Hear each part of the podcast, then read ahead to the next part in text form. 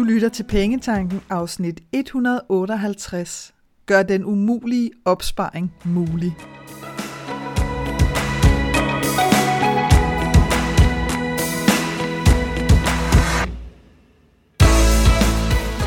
Velkommen til Pengetanken. Jeg hedder Karina Svensen. Jeg fokuserer på hverdagsøkonomi med et livsfokus.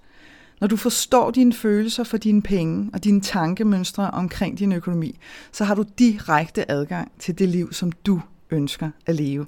Lad os komme i gang. Den økonomiske disciplin, som rigtig mange af os har glemt, det er opsparing. Vi er så vant til at få nu og betale senere, så alt det guld, der rent faktisk ligger gemt i at spare op, det er blevet totalt begravet. Og faktisk er vi kommet så langt væk fra tanken om opsparing, at flere slet ikke kan se, hvordan de skal få plads til det i deres økonomi. For andre der kan udfordringen være, at opsparingen nærmest smuldrer væk til alt muligt andet, end det man egentlig gerne vil spare op til. I det her afsnit, der bringer vi opsparingen tilbage med alle de fine, smukke fordele og muligheder, som vidderligt er i den, uanset hvor meget du har på kontoen lige nu. En af de største trusler mod opsparingens overlevelse, det er, at der er så ufattelig meget, som vi tager for givet i vores økonomi i dag. Og når så meget bliver en selvfølge, så lider dine drømme altså – Hæng lige på. Jeg kan høre, at der er øh, vældig øh, skøn fuglekvider, men jeg tænker, at det måske godt kan blive en lille smule irriterende for dig at høre på. Jeg er ikke helt sikker på, hvor meget der kommer med i mikrofonen, så jeg lukker lige vinduerne.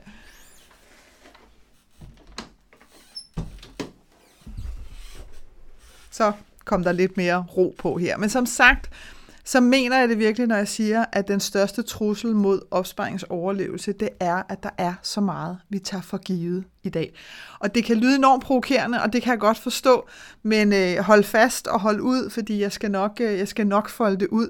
Og grunden til, at det faktisk kan, kan føles sådan et, ah, slap af, Karina, altså det sker i hvert fald ikke for mig, det er, at vi er blevet fuldstændig blinde over for det. Tag mig selv her. Jeg er i øh, talende stund 49 år, og jeg kommer fra en fuldstændig almindelig, gennemsnitlig middelklassefamilie. Far og mor, storesøster, det var mig, eller er mig, og lillebror. Helt klassisk. Ikke noget, øh, øh, ikke, ikke noget vildt, og ikke noget fattigt, har jeg nærmest lyst til at sige overhovedet. Vi boede i, da jeg blev født, der boede vi i et højhus i Alberslund, men øh, åbenbart har jeg fået at vide, så, øh, så fik jeg alt muligt astma, hejs og sådan noget, fordi at øh, det her betonbyggeri åbenbart bare ikke var noget, jeg sådan synes var, øh, øh, var særlig godt. Øh, så mit helbred led under det, da jeg var lille bitte, og det samme skete vist også nok for min far, sådan som jeg har fået det forklaret. Det er overhovedet ikke noget, jeg kan huske, og jeg lider ikke af astma i dag, eller noget som helst andet. Men det var sådan set en af grundene til, at mine forældre begyndte at kigge efter, øh, hvor de kunne flytte hen. Og så finder de så finder de et hus i, øh, i sådan Nordsjælland, på sådan den vestlige øh, del af Nordsjælland, som er mere ud mod øh, Hundested, Hillerød, Frederikssundsdelen. Øhm, og der finder de simpelthen øh, sådan et nybygget parcelhus, som de havde råd til.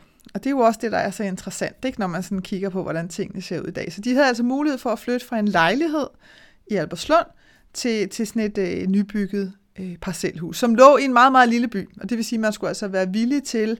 Øh, min mor, hun arbejdede inden mod København, kan jeg huske. Og det kunne snilt tage ja, en lille times tid faktisk at køre derind. Og det var man ligesom villig til, fordi jamen, det, var, det var den konsekvens, der var ved, at, øh, at ungerne havde bedre helbred, øh, og at man, øh, og man rent faktisk fik et, et hus at bo i, jamen så skulle man ligesom være villig til måske at have lidt længere køretid. Så det gjorde de.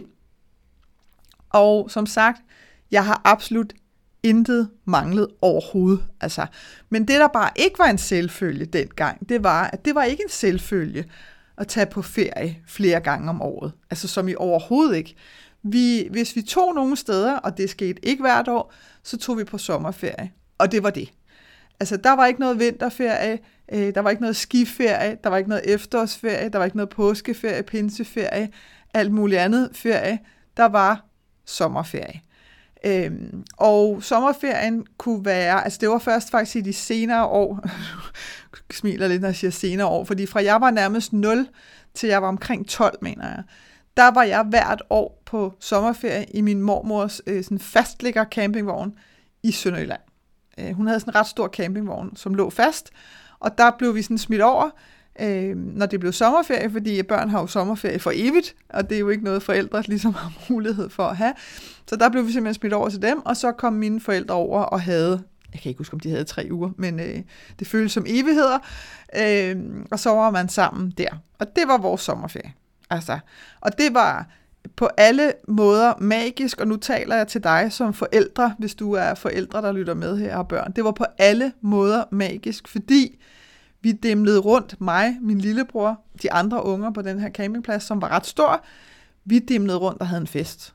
Altså, øh, og kigge på eventyr. Øh, og der var ikke nogen, øh, der rendte i hælene på os hele tiden. Altså, der tog man ligesom godt at give sine børn øh, nogle penge i hånden til nogle is, og så kunne man øh, trille op i øh, kiosken og købe nogle is, og så kunne jeg sådan set være ude på pladsen hele dagen, øh, og kun lige komme hjem, når jeg begyndte at blive sulten og skulle have noget frokost, og så ud igen og være på eventyr, og så komme hjem igen om aftenen. Og det var fantastisk, og det var nøjagtigt den samme campingplads. Og jeg led ingen overlast. Altså, det var ikke sådan, at når jeg kom tilbage, i min øh, skoleklasse, så var det helt forfærdeligt, at, øh, at jeg ikke havde været ude og rejse i udlandet eller sådan et eller andet. Det, altså, overhovedet ikke. Jeg havde haft det fint, og jeg havde haft en fest. At jeg så også har kunne fået kureret min øh, campingplads lyster fuldstændig. Jeg behøver ikke nødvendigvis nogensinde igen, tror jeg, at være på en campingplads. Det er så noget andet. 12 år i streg, og måske også, øh, så har man måske også ligesom oplevet det, men det er bare for at sige, at hvis du tænker på i dag, hvor meget vi kan komme til at tage for givet, fordi vi kigger ud og rundt omkring, og så tænker, ej, alle de andre. Og det er også sådan en, øh, det er også en virkelig øh, Øh, belastende sætning, som jeg mega godt kunne tænke mig, at vi gør op med. Fordi vi kigger alle sammen på hinanden.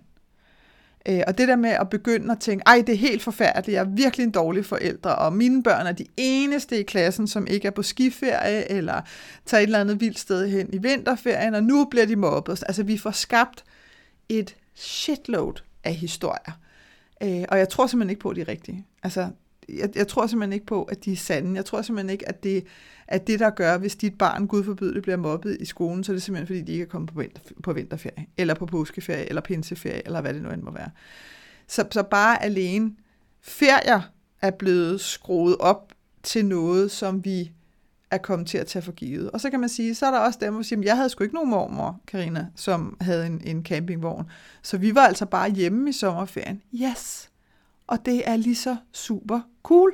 Og så kunne man sige, ja jo, men så var der måske ikke lige det store eventyr eller et eller andet. Nej, men så kunne man måske tage bilen eller bussen og køre en time ud i det blå og lige betale for en, øh, en busbillet en gang imellem. Jeg snakker jo ikke om hver dag i sådan en sommerferie, for lige at bryde dagene lidt op. Og der sker altså heller ikke en skid ved, at man ligger på ryggen og glor op i skyerne øh, en dag, eller ligger med snotten nede og prøver at finde øh, firkløver, øh, som jeg ofte gjorde, kan jeg huske på den her campingplads. Så, så vi, er, vi er virkelig nået dertil, hvor vi tager det som en selvfølge, at selvfølgelig skal der være penge til at tage på ferie, allerhelst i udlandet, og hvis ikke, så er vi en fiasko, og så er vi fattige. Og, og det er simpelthen ikke sandt. Altså, det er vores egen forventninger, vi har fået gjort til en selvfølge, når det handler om ferie. Jeg kan også huske, at det her med at spise fast food, det skete ufattelig sjældent. Altså, vi havde en landevejsgrill, det hedder, det hedder de derude fra landet, når man bor i de små byer. Øh, jeg har nu hørt siden, at der øh, faktisk er kommet et lokal pizzeria i den her meget lille by, men det var der altså ikke dengang. Der var en landevejsgrill, og de lavede nogle fuldstændig fantastiske bøger, eller også var det bare fordi, at man fik dem så sjældent, at man bare synes, at det var eksotisk, når man fik dem. Ikke? Men det var måske, altså vi taler om en gang om måneden. Det, det er sådan noget, vi er ude i. Altså, øhm, og jeg havde flere aftener, hvor at den bare stod på robrødsmadder. Og, og, og det, altså, det kan måske nærmest lyde som om, at tænke, det kan man da ikke. Jo, det kunne man rigtig fint. Altså det skete der virkelig ikke en skid ved. Mine forældre arbejdede. Øhm, min mor, bare for at være helt ærlig, er ikke sindssygt god til at lave mad og min far var rigtig tit øh, væk hjemme, fordi han havde et, øh, et job som kørende sælger, så han stod ikke lige i køkkenet øh, fast sådan klokken 5 og var klar til at lave mad. Så, øh, så det kunne sagtens være havregryn eller robrødsmad en gang imellem. Og, og altså prøv lige at høre, all was well. Altså, der var ingen af os, der døde af det, og der var ingen af os, der følte, at vi blev totalt misrygtet, og det var da også ganske forfærdeligt. Overhovedet ikke. Men der har vi så igen fået skruet øh, vores forventninger op til, at, øh, at det kan ikke, altså hvis vi gør det, øh, og det ved jeg, der er flere, der gør, ikke?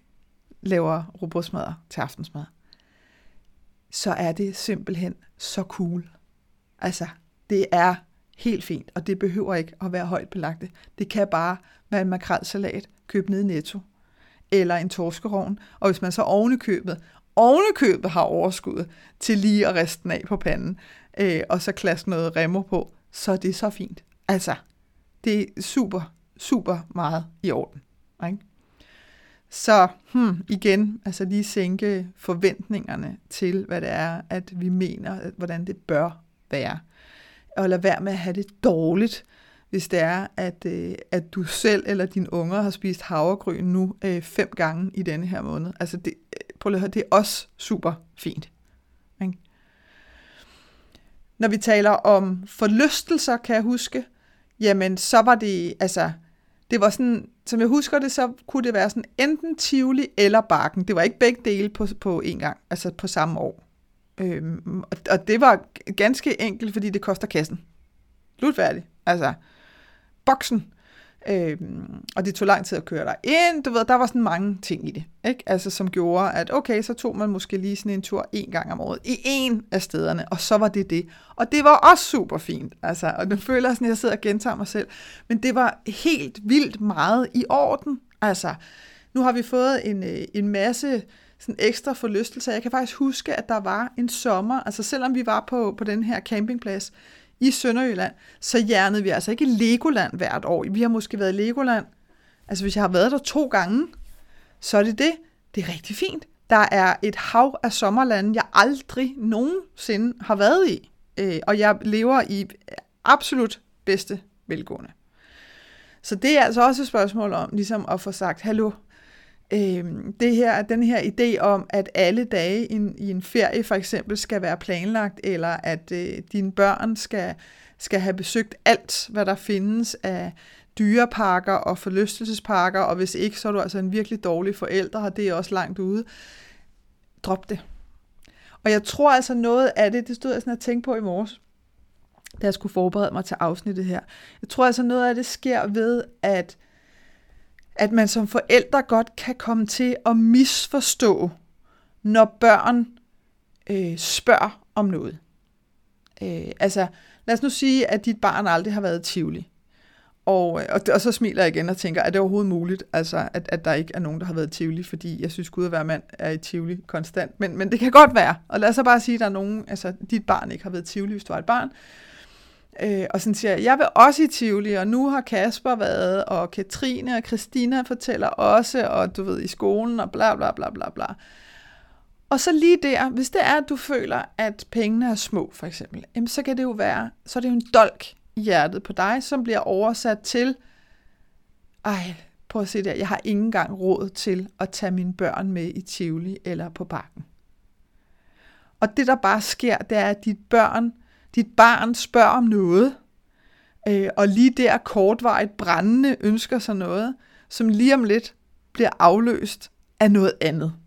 Altså det er altså ikke, det er altså ikke sådan et brandmærke, som dit barn får sat på sig øh, og bringer med sig som et, et, et traume ind i voksenlivet. Det er det vidderligt ikke, men hold da fast, hvor jeg oplever mange forældre, som kan øh, Øhm, som simpelthen kan få bebrejdet sig selv, at jeg har simpelthen skyld i, og så er der ikke grænser for, hvad de ikke er skyld i, i forhold til, øh, hvad deres barn nu må gennemleve, fordi at, at de ikke får givet dem alt det her, som barnet står lige nu og her øh, brændende og ønsker sig op. Så noget, altså jeg smiler sådan, når jeg siger brændende, fordi jeg elsker, når børn de udviser begejstring for noget, fordi de kan jo vidderligt se ud som om, jeg dør, hvis ikke, at jeg får det her. Ikke? Og som jeg siger, der går altså ikke specielt mange minutter, så det der afløst af noget andet. Altså så er deres opmærksomhed taget af noget andet, og det skal vi som voksne mennesker simpelthen huske på. Altså, fordi ellers så kommer vi til at farte rundt som vilde kaniner øh, og prøve at strø alle de her ting ud til de her unger,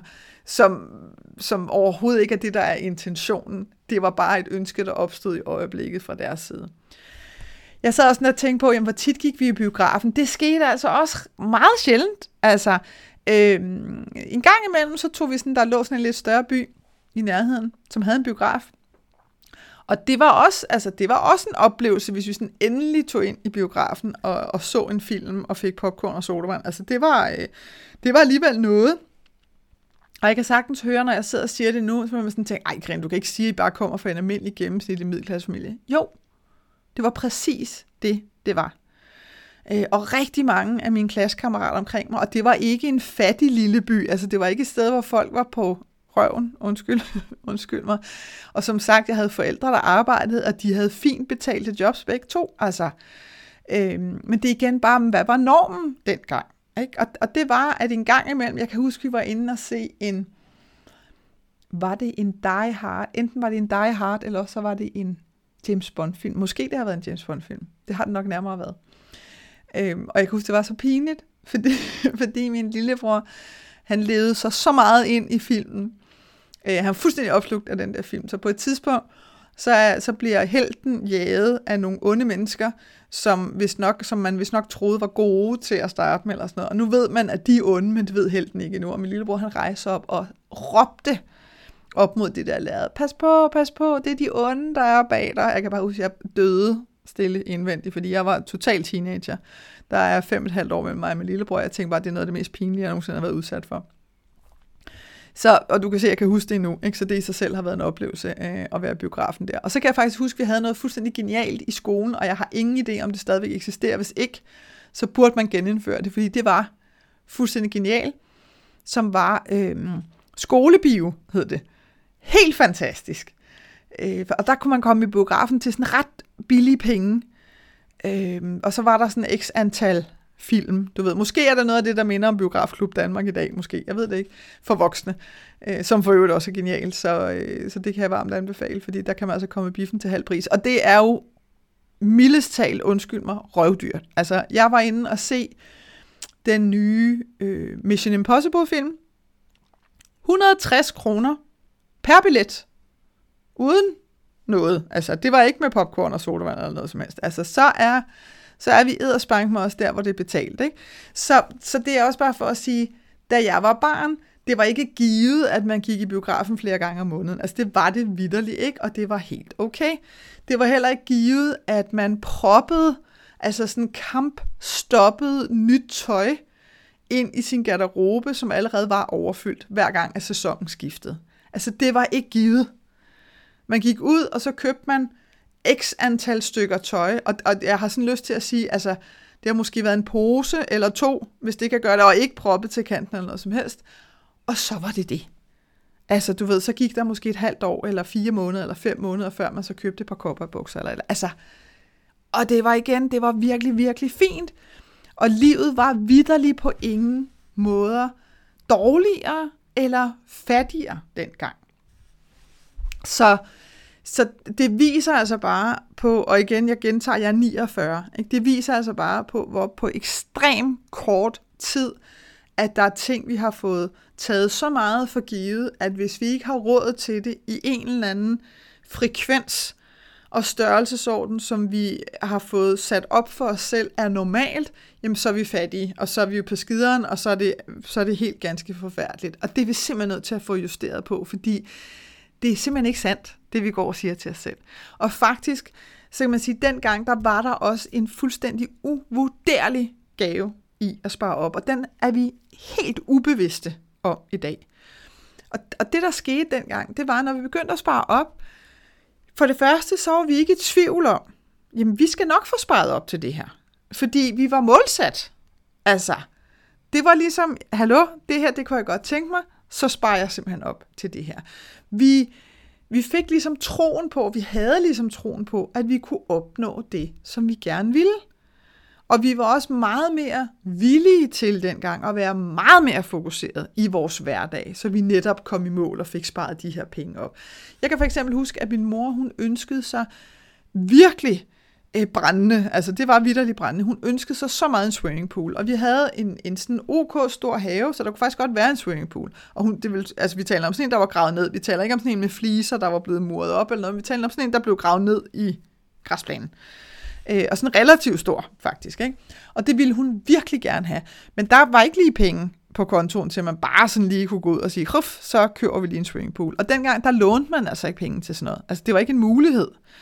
Øhm, så det hun gjorde, fordi hun ville virkelig, virkelig, virkelig gerne have den her swimmingpool, det betød bare, at hun havde muligheden for at arbejde over, og det gjorde hun længe. Øh, og så sparede hun op, indtil der var penge nok. Ikke? Og der gik flere år, men det var fint, for hun fik sin swimmingpool. Og undervejs var der altså ikke nogen børn eller familie, der led overlast i, at hun arbejdede over en gang imellem for at spare op til den her swimmingpool. Jeg kan også huske min lillebror, vidderlig brændende ønskede sig en computer, da han var barn. Øh, så det han gjorde, det var, at han tog, du ved, vi fik sådan penge til lørdagslæg, så tog han halvdelen af de penge, og så kom han dem i hans sparegris. Fysisk sparegris, dengang var der lidt flere kontanter. Så fysisk sparegris, og så købte han lørdagslæg for den anden halvdel. Og så tog han alle de penge, han fik i fødselsdagsgaver og julegaver, fordi så begyndte unge jo at, at ønske sig penge. Han var ikke idiot, vel? Og han kunne ligesom godt regne ud, hallo, jeg har fødselsdag, og der er noget med jul, der er noget med gaver, jeg ønsker mig penge til computer, slut færdig. Han ville ikke have noget som helst andet. Øh, han ville bare gerne have penge til den her computer. Og så var det det, han fik, fordi det var det, han ønskede sig. Øh, og så en dag, kunne døde med, så kunne knægten købe sig sin computer, og han var himmelrygt lykkelig. I dag, der kunne jeg godt forestille mig, at forældre ville gå sådan en lille smule bananas over at give penge til deres børn. Men så får de jo ingenting i fødselsdagsgave. Jo, det gør de. De får penge til den computer, de rigtig gerne vil spare op til. Altså, og, og det er helt fint. Det er nok. Det er godt. Det er samme til jul. Det er glimrende. Men vi har ligesom fået sat sådan en historie op om, at hvis de ikke kan fremvise alt muligt fysisk, som måske, og nu er jeg lidt grov, jeg ved det godt, men måske mere for, at du som forældre via dit barn kan vise andre, se her, hvad jeg har givet mit barn. Mere end barnet kan sige, se her, hvad mor har givet til mig. Forstår du altså forskellen i det? Ikke? Hvor at hvis der er en, der virkelig gerne vil noget, så vil barnet bare gå hen og sige, yes mand, jeg scorede lige 1000 kroner her til jul øh, til det der, jeg gerne vil købe. Det, var, det er mega fedt, fordi nu er jeg meget, meget tættere på at komme i mål.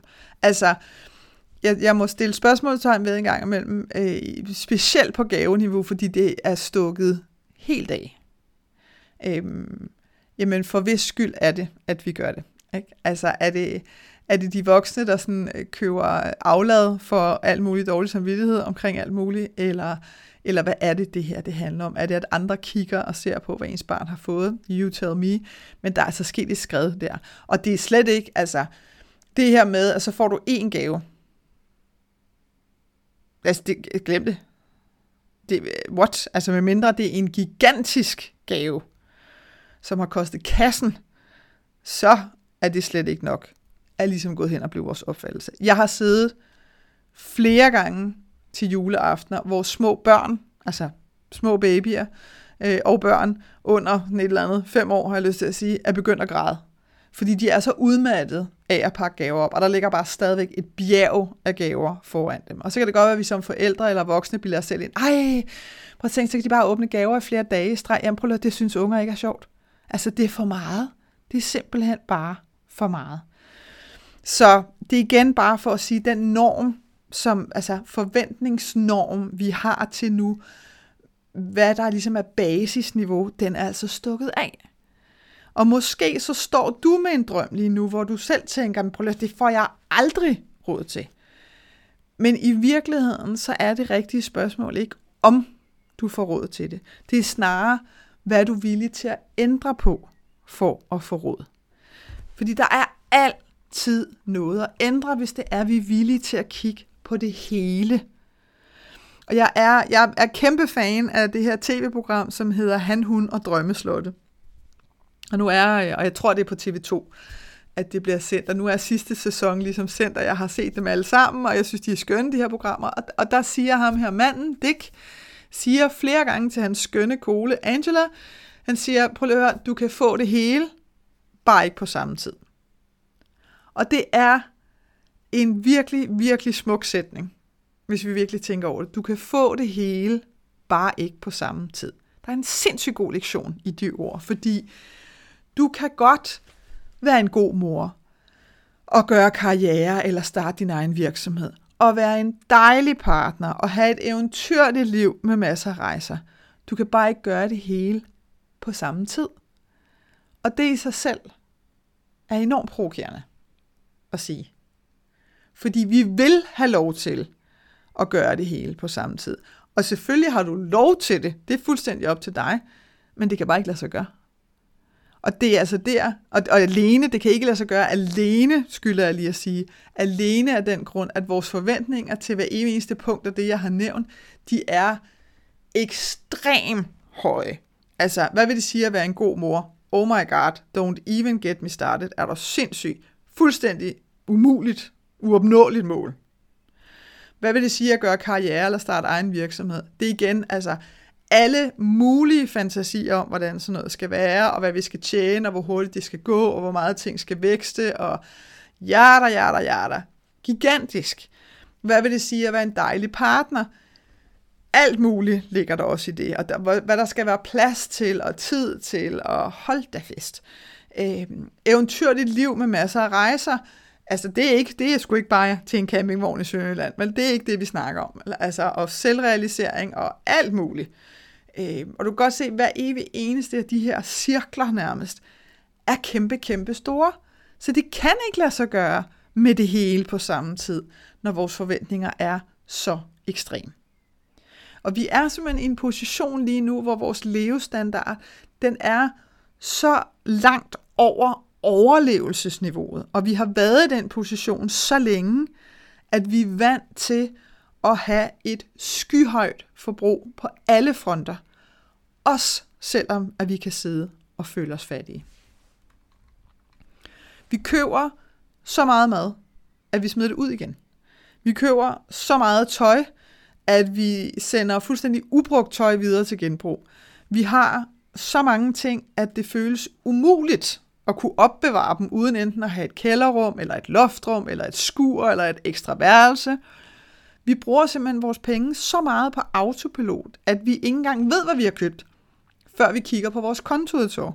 Og hvis du er, som rigtig mange af os andre, inklusiv mig selv, så kan, så kan man altså nogle gange sidde og kigge på det der kontoudtog, og begynde at grine, fordi det bliver så komisk.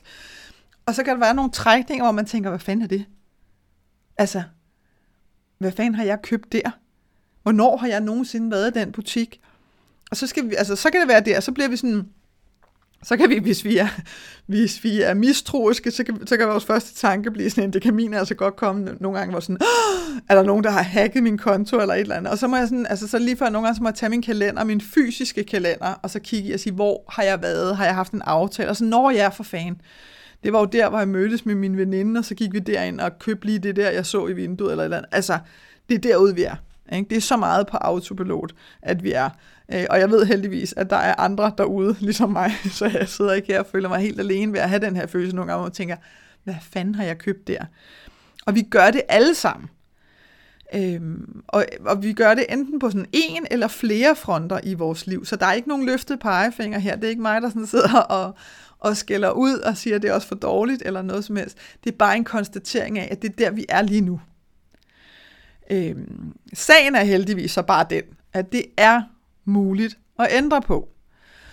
Og opsparing er bare en virkelig, virkelig sådan powerful måde at tage magten tilbage på. Både i din økonomi, men i virkeligheden også i resten af dit liv. Altså tilbage til denne her glemte øh, fordel, altså kæmpe fordel, som vi havde engang ved at vi satte os for, der var noget, vi gerne ville, ligesom min mor satte sig for, hun ville have sin swimmingpool, og så gik vi bare i gang.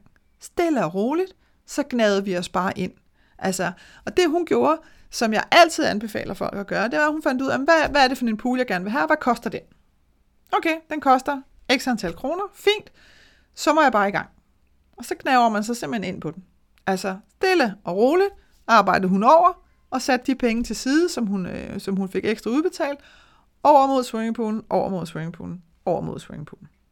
Og det er jo værdien i, at vi finder ud af præcis, hvad tingene koster, som vi gerne vil spare op til, i stedet for, at det er sådan et mærkeligt, udefinerbart beløb.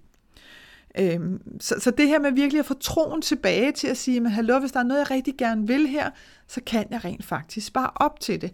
Og jeg er også villig til, ligesom vi var dengang, at blive meget mere fokuseret i min hverdag. Så det her med at gå og bruge penge på autopilot og kigge på ens konto og tænke, what? Hvem har gnasket fra min konto? Det sker simpelthen ikke. Fordi nu er der kommet et nyt fokus. Der er det her, jeg rigtig gerne vil.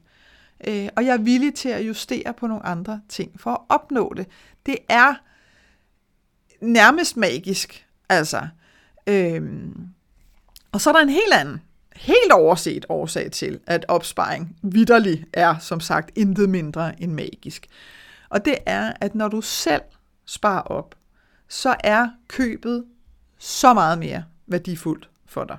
Og det er det blandt andet, fordi du har haft tid til at tænke på det her mål flere gange, og virkelig se frem til det. Jeg kan love dig for, at min mor hun pladrede løs om den swimmingpool, og havde forestillinger om, hvor skønt det ville være, når det var varmt om sommeren, at man kunne bare åbne terrassedøren i det her 70'er parcelhus, og gå ud på fliserne og træde ned af stigen i poolen, og så kunne man lige svømme lidt der, og så kunne man lægge sig op på drømmesengen, fordi det var også noget, man gjorde, fordi man gav sig selv lov til at gøre det. Ikke? Unger skulle ikke underholdes dengang på samme måde, som vi gør i dag. Så der var ligesom tid til bare at nyde det, og derfor så var det jo også, altså så kunne en sommer jo blive rigelig magisk, bare fordi at der var en pool i haven lige pludselig. Ikke? Så, så det her med sådan virkelig at tænke over det flere gange, og, og se frem til det, og glæde sig til det. Øhm, du har haft tid til at drømme om, hvordan det vil være at købe det, og det er jo sådan noget, der sker, det sker jo automatisk for os, hvis det er, at vi giver det lov, så er det, at vi kan forestille os sådan øjeblik. Det ved jeg, min lillebror gjorde med hans computer. Altså øjeblikket, hvor han kunne gå ned i den der butik, og lægge alle pengene, og så sige, at jeg skal have den der computer. Altså det der med at pege på den, give pengene, få computeren med hjem og pakke den ud. Øh, det her med at forestille sig oplevelsen med det, det kan være en ting, du har købt, ligesom min bror og hans computer, glæde sig til at pakke den ud og sætte det op og tænde for den og lære den at kende. Det kan også være, at det er en rejse, du har glædet dig til. Altså det her med at komme afsted og være i det og have billeder med hjem til, at du kan mindes det i mange år. Jeg kommer sådan til at, til at tænke på, at på et tidspunkt var jeg ude og holde foredrag i nogle folkeskoler, jeg kan, og jeg glemmer simpelthen aldrig de to piger. Der kom sådan to piger fra en 8. klasse op til mig i et frikvarter imellem sådan to lektioner, jeg havde med dem. Og de var sådan helt, altså, de beamede af stolthed, hvor jeg tænkte, hold da op. Ikke? Altså, der stod nærmest sådan en glorie omkring dem, og så kom de sådan op med deres mobiltelefoner og var sådan helt, oh! dem her havde de selv købt for deres helt egne penge. Og de havde gjort præcis det samme som min lillebror. De havde ønsket sig penge i fødselsdagsgave, de havde øh, pengene fra deres fritidsjob, havde de lagt til side og sådan noget. De havde skravet de her penge sammen, og så havde de købt deres egen mobiltelefon. Og jeg kan bare sige til dig, at de her to mobiltelefoner, og på det tidspunkt, der var de også sådan, de var to år gamle, eller sådan noget, de der to mobiltelefoner. Og der var ikke, altså, der var ikke en risse i de skærme. Altså ikke så meget som en ris i de skærme, fordi del med låter for, at de her tøser, de passede på deres ting, fordi de havde brugt deres egne penge. Men det her med at se stoltheden over det her, det har vi selv skaffet pengene til, og så har vi købt det. Det er mit. Det er ikke noget, jeg bare har fået for ærende. Vi tager det simpelthen så meget som en selvfølge, at vi skal have penge til alt muligt. At, som jeg også har sagt tidligere i dag, at flere af os kommer til at føle os fattigere. Øhm, altså vi er ude den der, jeg har ikke råd til en sommerferie i udlandet med mine børn, den har jeg ligesom talt om. Ikke? Jeg har ikke råd til dyre julegaver. Altså der kan jeg bare sige, at mine forældre, de købte, de købte julegaver til os på den blå vis fordi vi havde jo, ligesom børn har, nogle fuldstændig crazy ønsker. Jeg husker, min lillebror, han var totalt Playmobil amok på et tidspunkt, så han ønskede så selvfølgelig det her kæmpe store øh, sørøverskib i Playmobil, ikke? Og, og det er jo, altså, det koster jo kassen sådan noget. Og jeg havde selvfølgelig luret sådan en eller anden Barbie øh, skihytte. Den vil jeg have. Super. Og den koster også kassen. Jamen, hvad gjorde de så? Jamen, så fandt de det på den blå vis og i mega god stand, og i original emballage. Jeg lover dig, min lillebror og jeg, vi opdagede aldrig en skid. Jeg fandt ud af det flere år senere, at, at de havde købt det brugt. Og det var fuldstændig ligegyldigt. Altså, det var fløjtende ligegyldigt, fordi det var, som sagt, skidegod stand, original emballage, alt var godt. Min oplevelse var nøjagtigt den samme, som hvis de havde købt den nede direkte i BR, som eksisterede dengang. Øh, ingen forskel i min oplevelse der, overhovedet whatsoever. Og der var ikke en kæft af os, der opdagede, om der manglede en eller anden lille ting. Vel? Altså, min lillebror, han opdagede jo ikke, om der manglede en eller anden sørøver øh, til det der skib, fordi der var bare 1400 andre sørøver, og jeg opdagede jo ikke, hvis der manglede et øh, strikket halsterklæde, fordi der var 14 halsterklæder til Barbie til den der skihytte, ikke? Altså, så.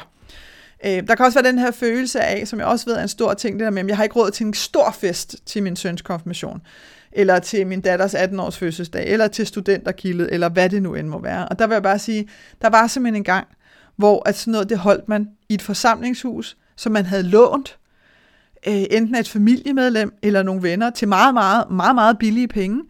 Og så stod der en eller andens mormor i køkkenet som kogekone. Ikke? Altså det foregik ikke på dyre, fancy steder, hvor ungerne blev kørt til i Porsche eller hestekaret eller noget som helst. Øhm, det var altså på et noget andet plan. Og det handler ikke om, du kan godt høre, nu bliver jeg sådan helt gammeldags, men det handler ikke om, at, at vi ikke må udvikle os, vel? Og, og at tingene ikke må ændre sig. Det må de rigtig gerne. Jeg siger ikke, vi skal tilbage til den gang, hvor der stod kogekøner i køkkenet. Det er ikke det, jeg siger. Jeg siger bare, at vores forventninger i dag er blevet forskroet. Altså, det er bare gået galt. Ikke? Altså, og det, det er gået galt på en måde, så folk, der føler sig fattige, hvis man sådan tager det helt konkret i økonomien, så er de på ingen måde fattige. Altså på ingen måde. Der er masser af penge. Det er bare et spørgsmål om, hvordan pokker vi bruger dem, og hvordan vi opdager, at vi bruger dem. Og det er jo det her. Prøv lige at tænke over, prøv lige at tænke over det her. Vi er blevet så rige, at vi føler os fattige, når ikke at vi kan få alt nu, altså med det samme, eller inden for ufattelig kort tid. Øhm, og vi er, ikke end, vi er simpelthen ikke villige til at ændre noget i vores hverdag, medmindre vi nærmest er tvunget til det.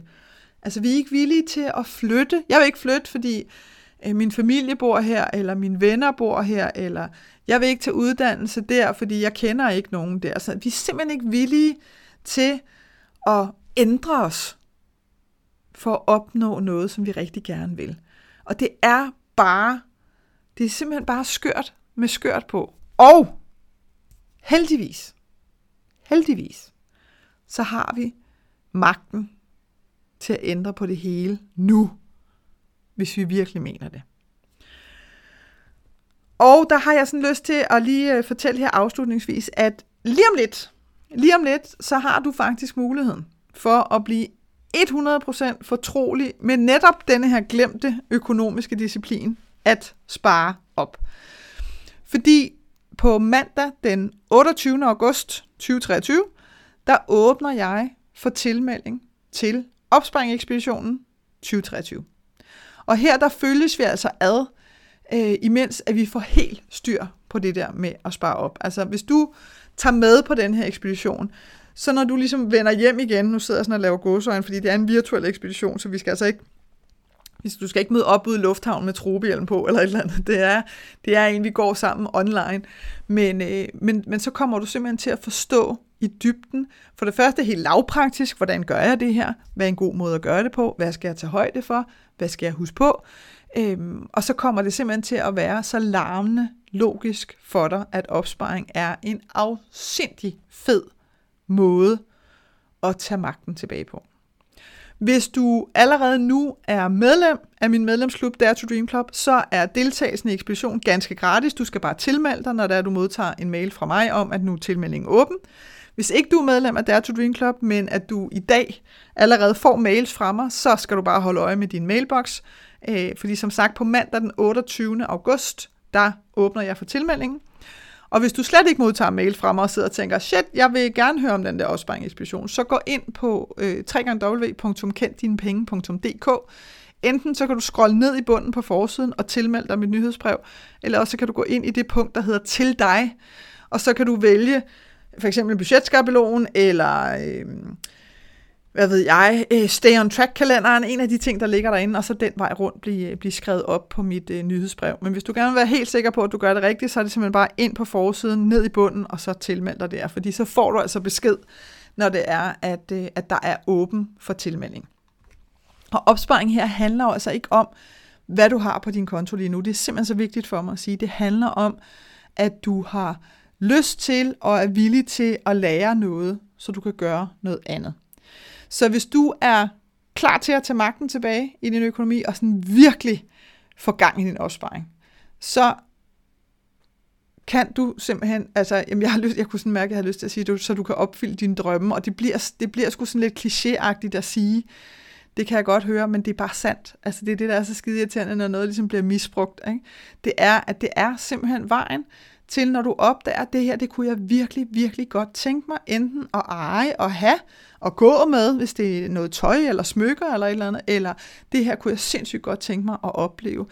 Jamen så er opsparing vejen, altså fordi det er, det er simpelthen den mest kærlige og ansvarsbevidste måde at komme i mål på med de ting, du ønsker dig, i stedet for bare at overtrække kaskreditten, eller låne pengene, eller øh, bare knokle og knokle og knokle for at få en højere og højere løn, og så har du ingen tid til at bruge dine penge. Så hvis du godt kan mærke, at hallo, jeg vil, jeg vil virkelig gerne have fat om det her med at spare op, jeg vil gerne forstå, hvad der ligger bag det, hvordan gør jeg det helt lavpraktisk, og hvordan holder jeg fast i det, jamen så ville det være så skønt at have dig med på Opsparing Ekspeditionen 2023. Jeg håber, vi ses. Jeg håber, at det her afsnit fra Pengetanken har været med til at inspirere dig til at skabe et liv for dig selv med penge nok til det, som du ønsker dig. Og hvis du tænker, at nu skal der ske noget, så gå ind på min hjemmeside www.kenddinepenge.dk og se, hvad dit næste skridt skal være. Vi høres ved.